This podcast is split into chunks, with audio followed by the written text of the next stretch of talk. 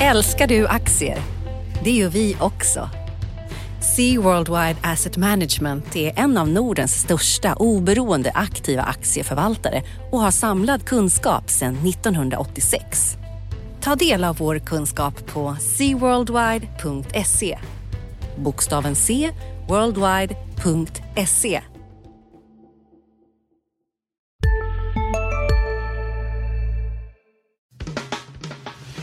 Analyspodden från Dagens Industri. Hej och välkommen till Analyspodden. Det är fredag den 7 augusti. Johan Wendel heter jag, reporter och analytiker på Dagens Industri. Med mig har jag Agneta Jönsson här. Agneta, du är också reporter och analytiker här på Dagens Industri. Välkommen. Precis, tackar. Det är vi och vår kollega Mittelman som har skött analysavdelningen denna veckan. Så det har varit bråda dagar. Ja, exakt. Och eh, det har ju också varit en del händelser här. Eh, vi har, en, eh, vi har en börs idag som är kring nollan, så det är väl kanske inte så dramatiskt. Men om vi tittar på andra sidan Atlanten så har vi ju en hel del spännande händelseutvecklingar, eller hur Agneta? Precis, du har skrivit om det i veckan också, det här med Microsoft, om de ska köpa TikTok, om de ska köpa hela eller delar och vad alla tycker om det här. Du kan väl berätta lite eh, vad du har kommit fram till för något när du har kollat på det? Ja, eh, nej men, eh, som du säger där, eh, och för er som inte vet då, TikTok det är en eh, sociala medier-app. Man använder den för att spela in korta videosnuttar och eh, den är, väldigt, eh, den är faktiskt väldigt underhållande. Det är många, många roliga videos som spelas in där ute och den ger ganska mycket utrymme för kreativitet och eh, musik är väldigt integrerat och så vidare. Så den är mycket bättre än till exempel Instagram eller sådana här om man vill eh, vara lite mer kreativ och så vidare. I alla fall, den här TikTok då har de senaste åren blivit en supersuccé, eh, har hundratals miljoner användare världen över och Eh, det har ju inte undgått eh, amerikanska presidenten eh, Donald Trump som eh, varit kritisk mot Kina och eh, han har flera gånger tidigare uttalat sig kritiskt mot TikTok och nu de senaste veckorna här har det blivit lite mer skarpt läge där Donald Trump mer eller mindre verkar ha bestämt sig för att förbjuda TikTok i USA. Men vad är problemet? Är det att eh, kinesiska staten kan komma åt användas identiteter eller vad är det man hänger upp sig på? Ja, alltså problemet är här att eh, eh, Kina är ju eh, inte en demokrati så att eh, kinesiska bolag är skyldiga att lämna över data om eh, staten frågar efter det, helt enkelt. Så att eh, farhågan från president Trump är att amerikanska användardata ska hamna i kinesiska händer.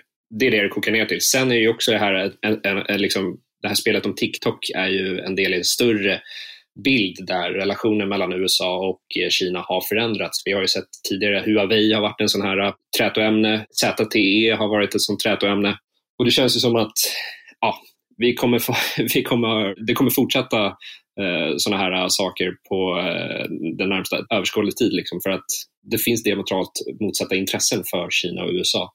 Men i alla fall, Trump har ju då svängt från att vilja förbjuda TikTok till att liksom ge Microsoft då en välsignelse att eh, eventuellt köpa TikTok.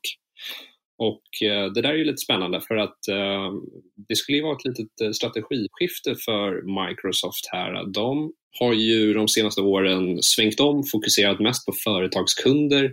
De har ju den här molntjänsten Azure som har blivit en superhit som har hjälpt till att driva deras aktiekurs här och det har ju gjort att liksom, om, om man tittar på andra techbolag som Facebook, eh, Google och så vidare, de var i förhör i amerikanska kongressen här tidigare i somras. De upplevs som kontroversiella. De får hantera liksom, frågor, komplexa frågor kring yttrandefrihet. Vad får man säga på nätet och, och så vidare. Och hur mycket användardata ska vi samla in? Och Microsoft har ju mer eller mindre varit förskonade från det där. Och det är ett intressant skifte från liksom 90-talet eller tidigt 00-tal när Microsoft var verkligen boven i dramat och, och anklagades för att utnyttja sin monopolställning på, på olika sätt. Så det är ett skifte till mer konsumentnära business som Microsoft gör här, men det kan bli eh, spännande. Kan det bli eh, en bra affär? Hur mycket typ eh, är TikTok värderat till idag? Ja, och det där är ju då lite komplicerat. TikTok ägs ju av ByteDance, ett kinesiskt moderbolag. Men ByteDance sysslar bara inte med TikTok utan de har en massa andra appar också. Eh, men ByteDance värderades till omkring 100 miljarder dollar i sin senaste finansieringsrunda. Och enligt Bloomberg så omsatte TikTok i fjol ungefär 17 miljarder dollar och gjorde en vinst på ungefär 3 miljarder dollar. Mm. Så att det, och det, det här är ju, det säger sig självt när det handlar om så här mycket användare, det är väldigt snabbväxande intäkter. Eh, så att en eventuell köpesumma räknas nog i hundratals miljarder kronor för Ja, det, är, det är ingen liten eh, affär precis. Nej, exakt. Till och med för Microsoft så handlar det här om ganska mycket pengar. Så det, det, är ingenting man bara, de bara slänger iväg. Liksom. Och sen så är det ju också det här komplexa med, från början var det ju snack om att Microsoft endast skulle köpa TikTok i USA, Kanada, Nya Zeeland och Australien. Och det där tror inte jag riktigt på därför jag tror att det blir för komplicerat att splitta ett varumärke på det sättet. Utan jag tror att om Microsoft köper TikTok så kommer de vilja köpa hela. Och det rapporterade ju också Financial Times här nu på, på torsdagskvällen att eh, Microsoft eh, uppges vilja köpa hela TikTok, inte bara i de här länderna. Och anledningen till att de hade kunnat köpa dem i de här länderna, då, USA, Kanada och så vidare, det är för att de länderna har ju ett nära underrättelsesamarbete med USA.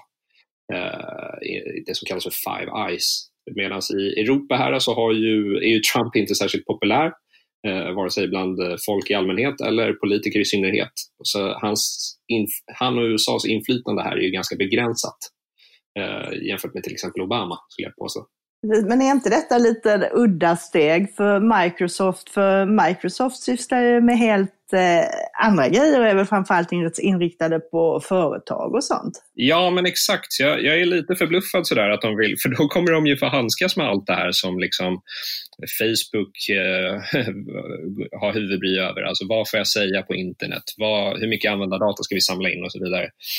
Så att jag är väl lite förvånad över att de överväger det och det är inte liksom givet att sådana här stora liksom, sociala medietjänster är liksom vinstmaskiner. Om vi tittar på Snapchat, om vi tittar på Twitter, de har inte haft någon vidare börsresor i sina noteringar och, och, och, har svårt, haft svårt att leverera ordentliga vinster, även om Twitter har styrt upp sig här senaste två åren då, kanske lite. Så att, uh, ja, jag är väl inte helt övertygad om att det här är en succé för Microsoft. Å andra sidan, så i en eventuell affär så får de det här kanske, även om vi snackar om en köpesumma på eh, hundratals miljarder kronor, så de får det kanske billigare i en sån här affär än vad de skulle fått i, en, i ett, ja, inom citationstecken, normalt läge. Liksom. Så att de kan ju få det här väldigt billigt. Så att, eh, ja, jag är väl inte helt såld på idén, men jag förstår väl kanske varför Microsoft vill göra det. Eh, det, det kryllar inte av, eh, av appar med hundratals miljoner användare som växer snabbt, så jag, jag, förstår att de skulle vilja få in det, även om det kanske inte passar in i strategin i övrigt riktigt. Nej, men det, är Trump är ute och svingar eh, ordentligt mot de här sociala medier-grejerna. Det var någon annan grej som han var ute idag och bannlyste också, har jag för mig.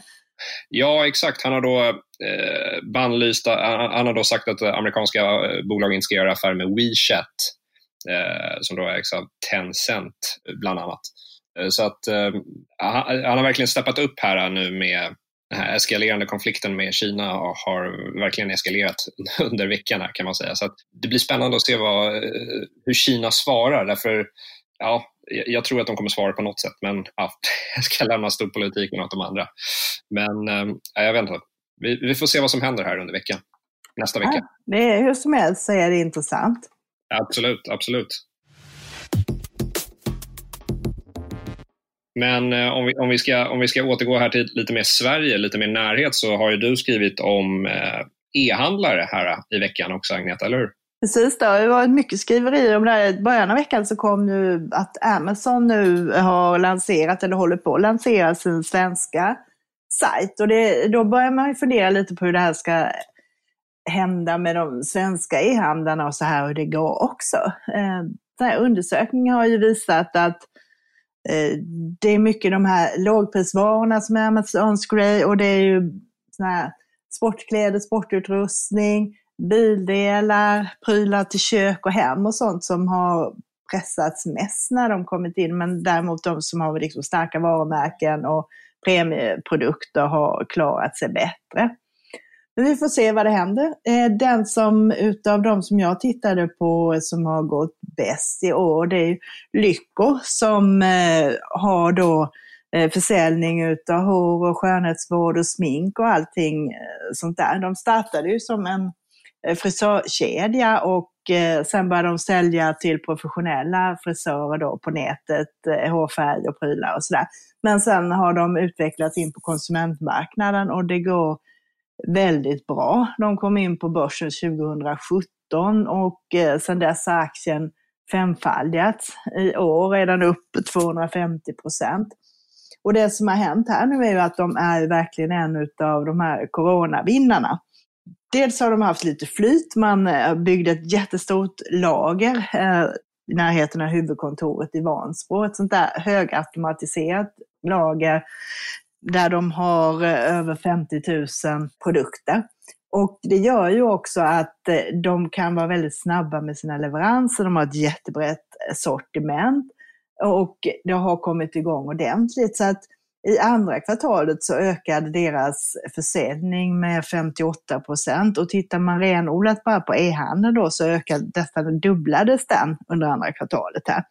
Och det som de säger är att de ser som flera andra att det är nya kundgrupper som kommer in, framförallt äldre som inte har handlat på nätet nu eh, som börjar göra det. Och de här prylarna som de har är ju väldigt lämpade för e-handel. Om du tänker dig hårschampo, eh, som vi kanske använder lite hårtoning för att piffa upp sig. Och det är sånt som, vet man vad man vill ha så är det jätteenkelt att klicka hem det och sen skickas det hem via Budbee som lämnar direkt till dörren så att säga. Så att eh, jag förstår att det har gått bra, men det har ju också gjort att värderingen har kommit upp riktigt ordentligt här. Så aktien handlas ju nu till 250 gånger årets vinstprognos. Så det är lite som de, här, de andra i den här eh, ligan. Eh, Amazon handlas på 100 gånger vinsten. Så att det finns en del inbyggda förväntningar i det här. Eh, det man kan säga talar lite till Lyckos fördel är just det här stora laget som gör att de faktiskt ganska lätt skulle kunna ta steget ut i övriga Europa. Nu har de Sverige och Norge, Danmark och Finland. Och de delarna växer också ganska bra. Så att man skulle kunna ta upp det, men eh, för tillfället kanske man inte ska ha superbråttom, utan man får eh, växa in lite i den här eh, värderingen. Det handlar ändå om bolag som Eh, målet är att de ska eh, växa någonstans där runt eh, 20 procent per år. Och nu kommer det säkert att bli dubbelt så mycket i år, men att hålla den här takten uthålligt är ju lite utmanande. Men det är roligt när de lyckas och det är kul att se. Så att eh, bolaget har kommit upp i över 5 miljarder i eh, börsvärde nu. Ja, det är eh, intressant med de här e-handlarna. Jag, jag kommer ihåg att eh, vår kollega Magnus Dagel gjorde ju en rätt intressant intervju med Phoenix Outdoors eh, dåvarande VD Martin Nordin där. Nu är han väl ordförande nu för tiden. Men där snackade han om e-handel, e-handlarna och han sa någonting som jag, jag, har lagt på minnet, det här med att han trodde, spådde apropå de här e-handlarnas vinster och så vidare, att han, han trodde att de kommer upptäcka att de har eh, också kostnader, men kostnadsbasen ser kanske annorlunda ut. De kanske behöver lägga mer pengar på marknadsföring för att hitta kunder och så vidare. Returerna kostar jättemycket pengar och så vidare. Så att han var väl lite då skeptisk till det här att eh, e-handlarna skulle ta över, ta över allting och så vidare. Och det tror jag är väldigt sant. Jag tror att man inte ska överdriva liksom, de framtida vinstmöjligheterna för de här eh, typen av bolag. Det är i alla fall min åsikt. Jo, men det, det ligger ju en del i det, men det är lite beroende också på vad det är för typ av produkter.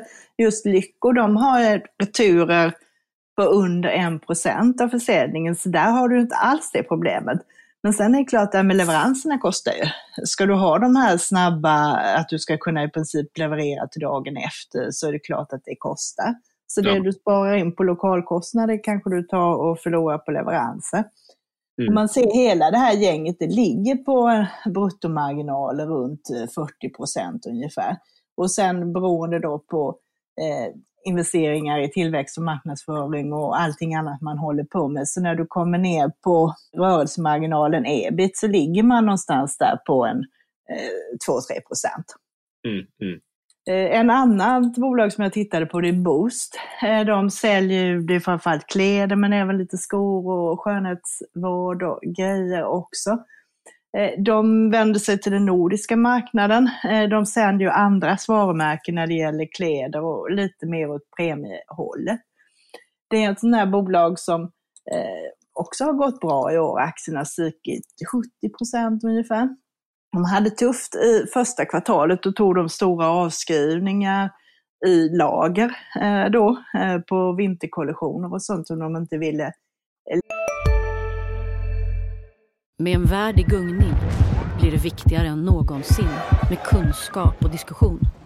Att värna det fria ordet, för livet och demokratin. Så när du trodde att du visste allt, har vi alltid lite till.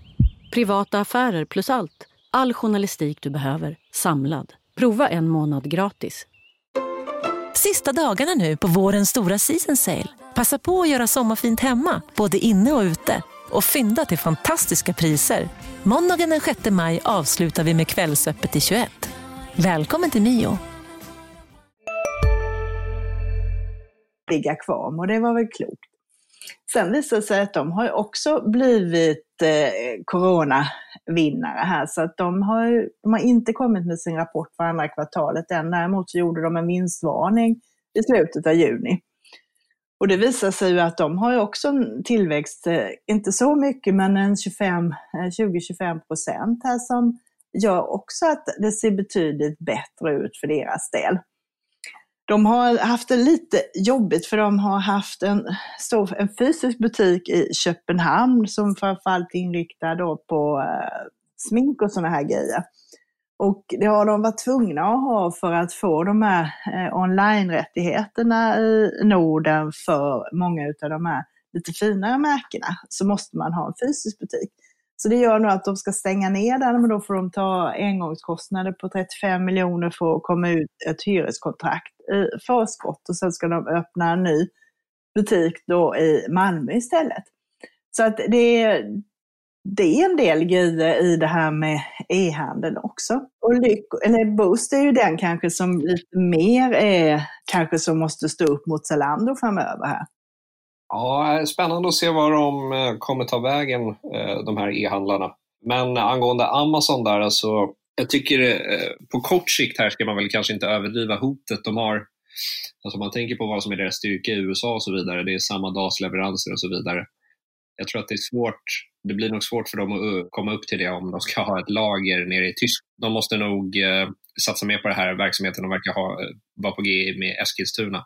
Sen är ju, har väl Amazon aldrig varit ett kortsiktigt bett, utan de satsar långsiktigt. Så att, eh, det får man väl vara medveten om. Men det blir spännande att se vad det tar vägen. Precis, och visst är det så. Och eh, sådär med snabba leveranser, här ligger vi ju en del av våra e-handlare väldigt bra till just som använder de här snabba leveranssätten som Budbee, vi har det här man kan dela ut paketen tillsammans med morgontidningen och sådana här grejer. Så att eh, där blir det tuffare för dem tror jag att konkurrera med det, särskilt om de ska använda sig av Postnord, typ när man ska gå och hämta sina paket och sådär. Ja, nej herregud. Uh, det, blir, det blir tufft. Eh, men ska vi snacka lite om eh, minusränta här Agneta, för du har ju skrivit lite om det eh, också i veckan här. Precis. Det kom ju upp igen nu därför att Bank of England har ju sagt att de överväger en negativ styrränta så småningom. Vi, har, vi levde ju det med det i nästan fem år här från 2015 när vi började ta klivet ner till minus fram till i januari i år när vi äntligen kom upp till noll. Och eh, de erfarenheterna kan man väl diskutera huruvida det har varit bra. Eh, några det inte är bra för däremot, det är ju bankerna eh, som måste betala när de då har överskottslikviditet hos centralbankerna. Så att har man mycket inlåning och inte lyckas låna ut det så eh, kostar det ju pengar. Och det ser man inte minst på de danska bankerna som eh, fortfarande har, de har en styrränta i Danmark som är på minus 0,65. Och de, många av de danska bankerna, det finns ju många där som är lokala som eh, Sydbank och de här som i princip har all sin intjäning på hemmaplan. Det har kostat dem mycket. Just Sydbank har nästan halverat sitt räntenetto nu på några år. Så att nu börjar de tröttna på det här så att de flesta börjar ta betalt för inlåning nu Eh, 0,6 procent eh, verkar vara eh, det allmänna. Och så varierar det lite från vilka belopp då de börjar ta betalt. Och det är ungefär från 50 000 och uppåt. Några lagt gränsen lite högre. Men, så danskarna får ju alltså betala då för att ha pengar på banken. Så det är ju klart, det är ju en nackdel när man kanske rent samhällsekonomiskt borde uppmuntra till lite sparande, framförallt långsiktigt till pensioner och sådana här grejer. Sen är det ju också det som vi hamnar i vad det gäller det som vi håller på med med börsen och sådana här grejer är ju att den här negativa räntan har ju spett på det här med uppvärdering utav eh, tillgångar och är ju en del i att man ser en hel del höga värderingar på sina håll. Förra året så var det ju Eh, fastighetsaktierna som eh, var mest gynnade utav det här. Nu ser vi en hel del andra grejer där pengarna kommer in istället. Och det gör ju också, om man ska titta i samhällsperspektiv, så är ju inte det bra, för det gör ju också att det här eh, tar och spär på skillnaderna mellan de som har det bra och de som har det mindre bra. De som kan investera i fastigheter och vara på börsen är det ju strålande tider, men de som inte har några pengar över från början får det ju knappast bättre. Och det har ju också gjort, eh, Commersbank har gjort en undersökning om det här och de är lite oroliga också för att eh, om vi har så, om pengar är så billiga eh, så hamnar man också i det här att företag som kanske inte borde överleva gör det. Eh, och då får du dem som de här japanska zombiebolagen liksom som bara överlever år från år men det blir liksom ingenting av det och det är inte heller bra i förlängningen. Och du har ju också eh, det här att syftet var ju egentligen att man skulle få hjälp och få upp inflationen. Och de tittar ju på både vi och Schweiz då som har haft negativ ränta och eh, överskott i vår bytesbalans. Det har ju inte hjälpt någonting vad det gäller inflationen. Däremot kanske det skulle kunna göra det då eh, för Storbritannien framöver då som har underskott. Men det är svårt att se några liksom stora fördelar. De enda vinnarna är ju som sagt eh, den som är på börsen och den som är då äger en massa fastigheter och sådant.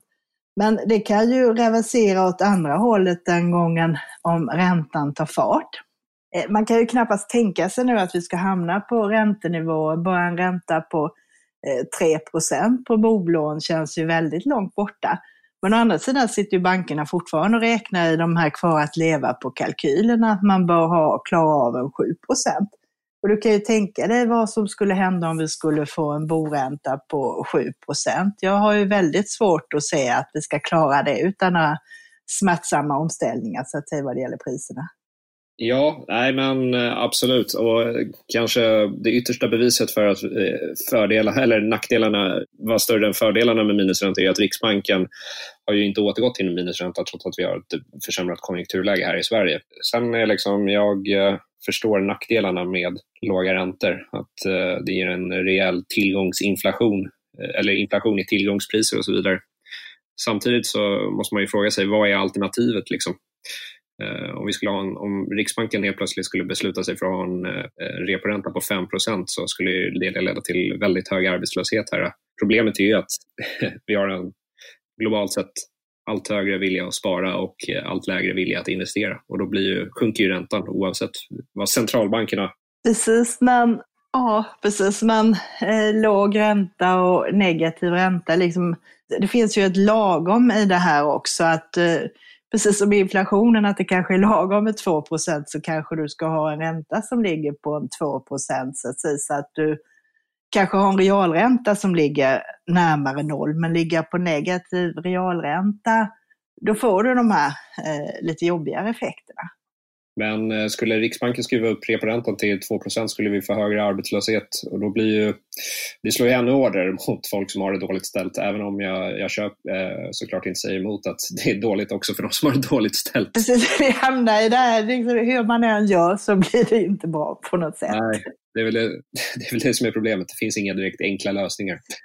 Nej, tyvärr så finns det inte det. Men kanske det är bättre att ändå att uh, inte gå för långt på uh, under nollan och sen kanske jobba mer med den här typen av åtgärder som man gör nu. Att göra köp på obligationsmarknaden och sådant istället. Ja, det känns ju som att Riksbanken i alla fall har landat i den slutsatsen. Precis, men det påverkar ju värderingarna också. Du tittade lite på det här med vad som har hänt med eh, aktievärderingarna här under rapportperioden. Ja, nej men det är helt, eh, liksom när börsen gick upp där under våren så stack ju värderingarna iväg eftersom analytikernas estimat gick åt andra hållet här.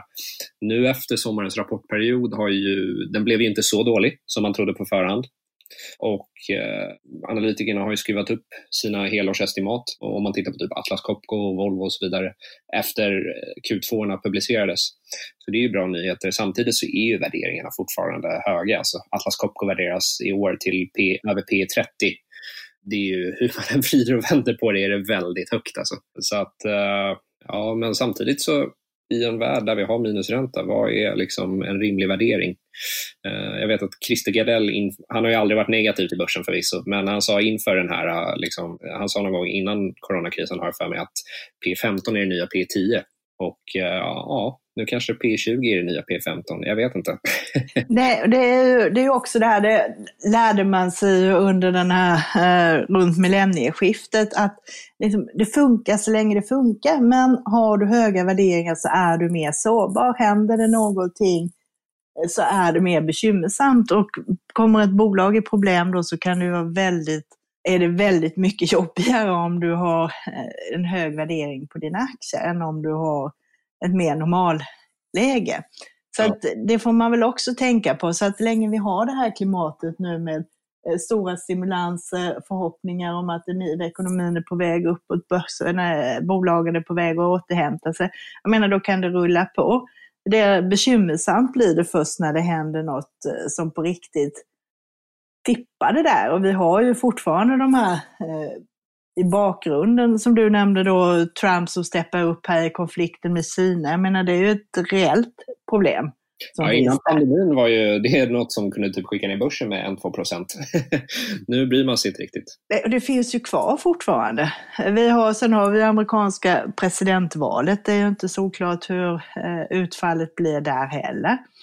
Den här pandemin och ansträngningar gör också att det kommer säkert att dyka upp mer geopolitiska konflikter och sådant i världen framöver. Så eh, även om vi klarar oss igenom corona så saknas det ju inte saker att oroa sig över heller.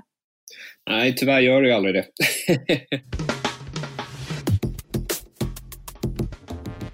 Ska vi blicka mot nästa vecka här också? Uh, vi får ju lite siffror från bolag, eller hur? Ja, men det tycker jag. Eh, vi ska, det är ju ändå fredag och helg och vi har en börs där åtminstone vi har gått upp över en procent i veckan. Här, så vi får ju vara lite optimistiska också. En grej som kan vara bra, det är ICA kommer med sin försäljning eh, på måndag, hur, då, hur mycket de har sålt i Sverige i juli. Och där kan man väl räkna med att det blir en del hemestereffekt om man säger så. absolut, absolut. Så den borde vara stark. Sen kommer, har du lite bolag som du kommer ha närmare koll på antar jag? Ja, men det är lite så här tema pandemivinnare om man får använda det uttrycket. Inom gamingsektorn så har vi Paradox, Embracer, Stillfront nästa vecka så det blir spännande. Eh, och så nämnde ju du där Storytel kommer upp till nästa vecka. Det är också en liten de hade ju väldigt bra timing med sin nyemission, Storytel, i februari. Ja. säga. Den, är, den är svårslagen den timingen. Att de hann med att göra den precis innan börsen rasade. Så att, uh, cred till dem. Uh, så att det, finns, det finns att titta på även nästa vecka. Men uh, vi kanske ska runda av där, Agneta, och så får vi tacka dem för att de lyssnade. Ja, det tycker jag vi kan göra. Och ett tips kan det vara också att eh, nästa vecka kommer väldigt mycket av de stora danska intressanta bolagen också. De ligger lite senare i sin rapportperiod. Vestas till exempel kommer på tisdag. Den har gått upp en 60 procent i år och det är verkligen sådana här klimatvinnare. De har fått en del order här under året men det är frågan om hur de har klarat sig med produktion och leveranser och hur det ser ut framöver. Så den blir intressant att titta på. Och sen har du lite på läkemedelssektorsidan. och de här Genmab, heter de va? Och eh, Lundbäck eh, som kommer också. Sen har du Carlsberg och sen kommer Christer Gardells eh, Thyssenkrupp eh, också på torsdag här. Så det finns en del större grejer att titta på också. Ja, men det blir jäkligt spännande. Och så får ni inte glömma bort att lyssna på våra andra poddar heller. Vi har ju eh, Digitalpodden bland annat. Och eh, förr eller senare kommer väl Viktor Munkhammar även tillbaka från sin semester och kommer börja ratta Makrorådet igen. Så det blir ju spännande om inte annat. Och sen får vi slå ett slag för också vår kollega Pontus Serin eh, har kört en sån här sommarspecial i, på Ekonomistudions poddplats där han läser ur sin bok som han skrev om när han bodde i Tensta. Jag har lyssnat på den i sommar och det kan jag faktiskt tipsa om. Det är en eh, riktigt bra grej, så in och lyssna på den också. Ja, gör så. Eh, men vi tackar er för att ni lyssnade och så får vi önska er en eh, trevlig helg. Ha det så bra. Hej då! Trevlig helg. Hej då! Analyspodden från Dagens Industri. Programmet redigerades av Umami Produktion. Ansvarig utgivare Peter Fellman.